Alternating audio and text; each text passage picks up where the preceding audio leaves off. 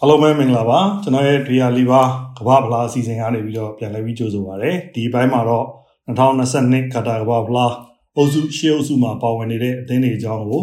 အချင်းချင်းပြီးတော့သုံးသက်တင်ဆက်ပေးသွားမှာဖြစ်ပါတယ်ဂရုမှာတော့နယ်သာလန်စီနီဂေါအကွေတော်ကာတာလေးသင်းပါဝင်ပါတယ်ဒီ group မှာတော့နယ်သာလန်က FIFA ranking သတ်မှတ်ချက်အဆင့်8စီနီဂေါကအဆင့်18အကွေတော်က44ကာတာကအဆင့်50နဲ့အဆင့်လိုက်ရပ်တည်နေတာဖြစ်ပါတယ် ဒါကြောင့်မလို့ ranking သတ်မှတ်ချက်အမြင့်ဆုံးကတော့နယ်သာလန်ဖြစ်ပါတယ်ခြေစွမ်းပိုင်းကကြည့်မယ်အစင်လာရကြည့်မယ်ဆိုရင်လည်းနယ်သာလန်ကစီမီ9ချိန်အထိတက်ခဲ့ပြီးတော့ဘိုလူပွဲကို3ချိန်တက်ခဲ့တဲ့အစင်လာရှိပါတယ်စီနီဂေါအသင်းကတော့တတိယမြောက်ခြေစွပွဲအောင်တာဖြစ်ပြီးတော့2000နှစ်မှာ quarter final အထိရောက်ခဲ့ပါတယ်2018မှာတော့အုပ်စုအဆင့်ကလှည့်ပြန်ခဲ့ရပါတယ်အကွေတော့အနေနဲ့ကတော့ကမ္ဘာ့ဖလားကို3ချိန်ရှင်ပြိုင်မှုပြီးတော့ 2002မှာအုပ်စုဆင်2006မှာ16တင်းဆင်နဲ့2014မှာတော့အုပ်စုဆင်တွေကပဲလှည့်ပြန်ခဲ့တာပါ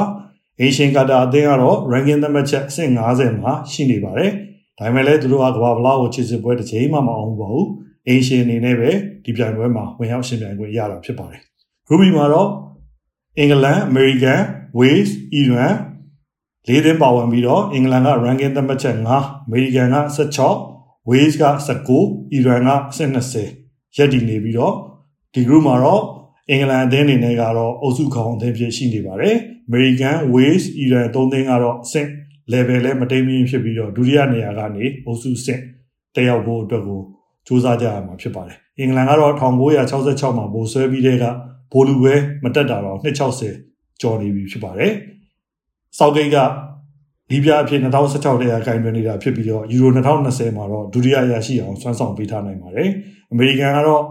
1994အေရှင်လောက်ဘူးတဲ့နှစ်မှာတော့16သင်းအဆင့်ကိုပဲရောက်ရှိခဲ့ဘူးတာဖြစ်ပါတယ်။1930မှာစီမီတက်ဖူးတာကလွဲရင်အမေရိကန်အနေနဲ့ကတော့ကမ္ဘာဖလားနဲ့တိတ်ပြီးတော့လမိုင်းမကပ်ဘူးလို့ပြောရမှာဖြစ်ပါတယ်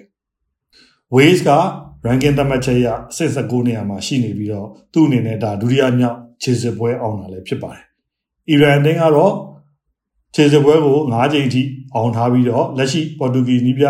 ကာလိုစကွီရောက2022မှာတကြောပြန်ကင်တွင်နေပါတယ်။သူက2014နဲ့2018ခြေစပွဲအောင်တဲ့အီရန်အသင်းတွေကိုလည်းနီးပြခဲ့တာဖြစ်ပါတယ်။ဂရုစီမှာတော့အာဂျင်တီးနား၊မက္ကဆီကို၊ပိုလန်၊ဆော်ဒီလေးသင်းပါဝင်ပြီးတော့အာဂျင်တီးနားက ranking သတ်မှတ်ချက်3မက္ကဆီကိုက73ပိုလန်က26နဲ့ဆော်ဒီအာရေဗျကတော့51မှာရှိနေပါတယ်။ဒီ group မှာတော့အာဂျင်တီးနားကခေါင်းအသင်းဖြစ်ရှိနေပြီးတော့ 1988 1986မှာဗိုလ်ဆွဲခဲ့တာနှစ်ကြိမ်ရှိပါတယ်ချန်ပီယံမဖြစ်တာ36နှစ်ရှိပြီဖြစ်ပါတယ်အဲဒီတော့ဒီအာဂျင်တီးနားအသင်းအနေနဲ့ဒီကမ္ဘာဖလားမှာဘယ်လောက်အဆင့်ထိရောက်ရှိအောင်ဆွမ်းဆောင်နိုင်မလဲဆိုတာစောင့်ကြည့်ရဖို့ရှိပါတယ်မက္ကဆီကိုပိုလန်ဆော်ဒီအာရေဗျသုံးသင်းမှာမက္ကဆီကိုနဲ့ပိုလန်နှစ်သင်းအနေနဲ့ကတော့အုပ်စုဒုတိယကိုတက်ရောက်ဖို့အတွက်ခြေနေရှိနေပြီးတော့ဆော်ဒီကတော့အာရှမြေမှာရှင်ပြိုင်တဲ့အသင်းအနေနဲ့ သူဘယ်လောက်ထိလုပ်ပြနိုင်မလဲဆိုတာစောင့်ကြည့်ရမှာဖြစ်ပါတယ်။ group D မှာတော့ပြင်သစ်ဒိန်းမတ်တူနီးရှားဩစတြေးလျ၄သင်းပါဝင်ပြီးတော့ဒီ group မှာတော့ပြင်သစ်က ranking သတ်မှတ်ချက်၄ဒိန်းမတ်က30တူနီးရှား30နဲ့ဩစတြေးလျ38ရှိပါတယ်။လက်ရှိချန်ပီယံပြင်သစ်အနေနဲ့ချန်ပီယံဘလောက်ကိုထပ်ပြီးတော့ကာကွယ်နိုင်မလားဘယ်အဆင့်အထိရောက်အောင်ဆွမ်းဆောင်နိုင်မလဲဆိုတာတော့ခေါင်းသင်းအနေနဲ့ပေါ့ဒီ group မှာသတ်မှတ်ရမှာဖြစ်ပါတယ်။ဒိန်းမတ်တူနီးရှားဩစတြေးလျဒီ၃သင်းနဲ့ကတော့လာမယ့် အဆင့်တွေကိုဒုအုပ်စုဒုတိယနေရာကနေရောက်ရှိပြီးတော့တက်ရောက်သွားမလားဆိုတော့လည်းကျွန်တော်တို့စောင့်ကြည့်ရမှာဖြစ်ပါတယ်။ Group E မှာတော့စပိန်၊ဂျာမနီ၊ဂျပန်၊ကော့စတာရီကာ၄သင်းပါဝင်ပါတယ်။စပိန်နဲ့ဂျာမနီနှစ်သင်းကဒီ group မှာပါဝင်နေတာဖြစ်တဲ့အတွက်ကြောင့်မလို့ group E ကိုတော့ group of death ဖြစ်တော့အားလုံးကသုံးသက်ကြပါတယ်။စပိန်သင်းက FIFA ranking သတ်မှတ်ချက်မှာအဆင့်ခွန်ဂျာမနီကအဆင့်7ဂျပန်24ကော့စတာရီကာက31မှာရှိပါတယ်။ဆိုတော့ဒီအုပ်စုမှာစပိန်နဲ့ဂျာမနီနှစ်သင်း အုပ်စုဆင်းရတက်မယ်ဆိုဂျပန်နဲ့ကော့စတာရီကာကအလိုလိုနေနဲ့အုပ်စုဆင်းရနေလှည့်ပြန်ရမယ်သဘောရှိပါတယ်။ဒါပေမဲ့လည်းအသင်းကြီးတွေကလည်းတစ်ချိန်ချိန်မှာသူတို့ခြေချော်တာမျိုးတွေရှိတတ်တဲ့အတွက်ကြောင့်မလို့ဂျပန်နဲ့ကော့စတာရီကာအတွက်ကတော့ဒုတိယအဆင့်ကနေကော်ကောင်အဖြစ်နောက်တစ်ဆင့်ကိုတက်ရောက်နိုင်မလားဆိုတာကတော့ကျွန်တော်တို့စောင့်ကြည့်ရမှာဖြစ်ပါတယ်။စပိန်က2010မှာဗိုလ်ဆွဲထားတဲ့အသင်းဖြစ်ပြီးတော့ဂျာမနီအသင်းကတော့၄ချိန်တိတိကမ္ဘာဖလားမှာဗိုလ်ဆွဲတဲ့အဆင့်ကရှိထားတာဖြစ်ပါတယ်။ ဂျပန်တင်းတွေကတော့အာရှအသင်းတစ်သင်းအနေနဲ့6ကြိမ်ခြေစစ်ပွဲအောင်မြင်ခဲ့ပြီးတော့2002နဲ့2018မှာ16တင်းအဆင့်ရောက်ရှိခဲ့ဘူးတာကသူတို့အတွက်အမြင့်ဆုံးပါပဲကော်စတာရီကာကလည်းခြေစစ်ပွဲ9ချိန်အောင်မှုပြီးတော့2014မှာ quarter final ကြီးရောက်ခဲ့ပါတယ်ဟော်လန်နဲ့ကို penalty နဲ့ရှုံးပြီးတော့2018မှာတော့အုပ်စုဆင်းရလက်ပြန်ရတာဖြစ်ပါတယ် Group F မှာတော့ Belgium, Croatia, Morocco, Canada ၄သင်းပါဝင်ပါတယ်။ Belgium အသင်းကတော့ လက်ရှိ FIFA ranking သတ်မှတ်ချက်မှာအဆင့်2အဖြစ်ရှိနေပြီးတော့လက်ရှိပြိုင်ပွဲမှာလည်းဘိုလူပွဲတီတက်ရောက်ပြီးတော့ဘိုးဆွဲနိုင်တဲ့အသင်းဖြစ်ရေပန်းစားနေတဲ့အသင်းတစ်သင်းလည်းဖြစ်ပါတယ်။ဒီအုပ်စုမှာ Croatia, Morocco, Canada ၃သင်းအနေနဲ့ကတော့အုပ်စုဒုတိယနေရာအနေနောက်တစ်ဆင့်ကိုတက်ရောက်နိုင်မလားဆိုတာတော့ကျွန်တော်တို့စောင့်ကြည့်ရမှာဖြစ်ပါတယ်။ခရိုအေးရှားက2018မှာဘောလီပွဲတက်ခဲ့ပြီးတော့သူကမ္ဘာ့ဗလာသမိုင်းမှာလည်း စီမီနှစ်ကြိမ်အထိတက်ခဲ့မှုတဲ့အသင်းဖြစ်ပါတယ်ဆိုတော့ခရိုအေးရှားရဲ့ခြေစွမ်းကိုလည်းကျွန်တော်တို့ short တွက်လို့မရတဲ့အနေအထားဖြစ်ပါတယ် group G မှာတော့အမြဲတမ်း favorite ဖြစ်နေတဲ့ Brazil, Switzerland, Serbia, Cameroon လေးသင်းပါဝင်ပါတယ်။ Brazil ကတော့လက်ရှိ FIFA ranking သတ်မှတ်ချက်မှာလည်းအဆင့်1မှာရှိနေတာဖြစ်တယ်လို့ကမ္ဘာဗလားကိုလည်း၅ချိန်ပိုဆွဲရတာဖြစ်ပါတယ်။ဒါပေမဲ့သူတို့နောက်ဆုံးပိုဆွဲရတာက2002ဖြစ်တဲ့အတွက်ကြောင့်မလို့ချန်ပီယံမဖြစ်တာ20ရှိပြီဖြစ်ပါတယ် 2018မှာလည်း quarter final ကြီးပဲရောက်ခဲ့ပါတယ်အေရှင်လုတ်တဲ့2014မှာ semi final တက်ခဲ့ပြီးမယ်လေဂျာမနီတင်းကို9ဂိုးတဂိုးနဲ့ရှက်တကွဲရှုံးနေခဲ့ရပါတယ်တတိယလူပွဲမှာလည်းဟော်လန်ကို3ဂိုးကိုမရှိနဲ့ရှုံးခဲ့ရပါတယ်ဒါကြောင့်မလို့ဒီအာရှမြေဟာဘရာဇီးအတွက်ဒါအောင်မြေဖြစ်မလားဆိုတော့ကျွန်တော်တို့ဆက်ပြီးတော့စောင့်ကြည့်သွားမှာဖြစ်ပါတယ်ဆွစ်ဇာလန်တင်းကတော့ FIFA ranking သတ်မှတ်ချက်အဆင့်9မှာရှိနေပြီးတော့17ကြိမ်ခြေစစ်ပွဲအောင်ထားပါတယ်။ကွာတာ2ကြိမ်နဲ့ 16သင်းစစ်3ကြိမ်ရောက်ရှိခဲ့ပါတယ်။ဆိုတော့ဆွစ်ဇာလန်အသင်းအနေနဲ့ကလည်းဒီအစ်စ်မှာဒီအုပ်စုမှာတော့ဒုတိယအဆင့်ကနေပြီးတော့16သင်းအဆင့်ကိုတက်ရောက်နိုင်မလားဆိုတော့ကျွန်တော်တို့စောင့်ကြည့်ရမှာဖြစ်ပါတယ်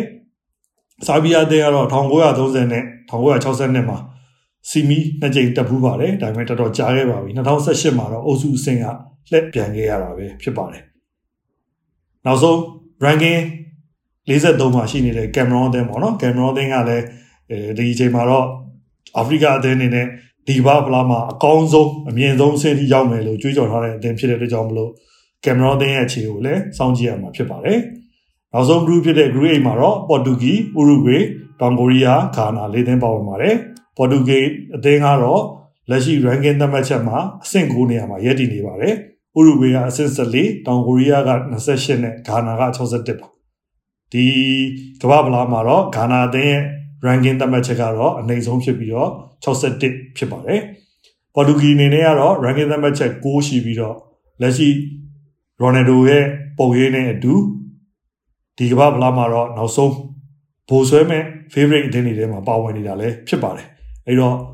1966 2006တွေမှာစီမီတက်ခဲ့ဘူးတယ်2018မှာဥရုဂွေးကိုနှစ်ဂိုးတစ်ဂိုးနဲ့ရှုံးပြီးတော့16အသင်းစင်ကထွက်ခဲ့ရတဲ့ပေါ်တူဂီအနေနဲ့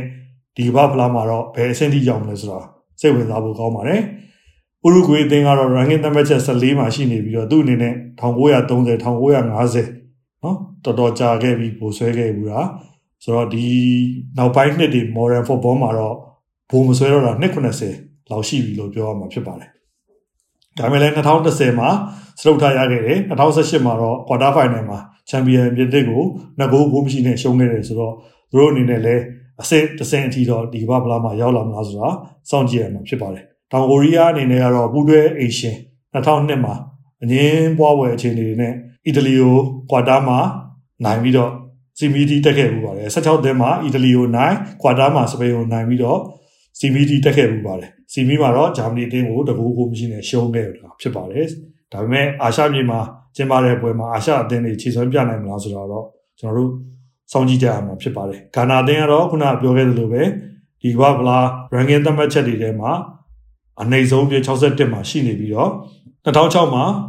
ခြေစပွဲစအောင်ခဲ့တာဖြစ်ပါတယ်16သင်းအဆင့်ထိတော့သူတို့ရောက်ခဲ့ပါတယ်2010မှာတော့ quarter ထိရောက်ပါတယ်2014မှာတော့အုပ်စုဆဲရပြန်ပြီးတော့လက်ပြန်ခဲ့ရတာဖြစ်ပါတယ်ပြီးခဲ့တဲ့2018မှာတော့သူတို့ခြေစပွဲမအောင်ခဲ့ပါဘူး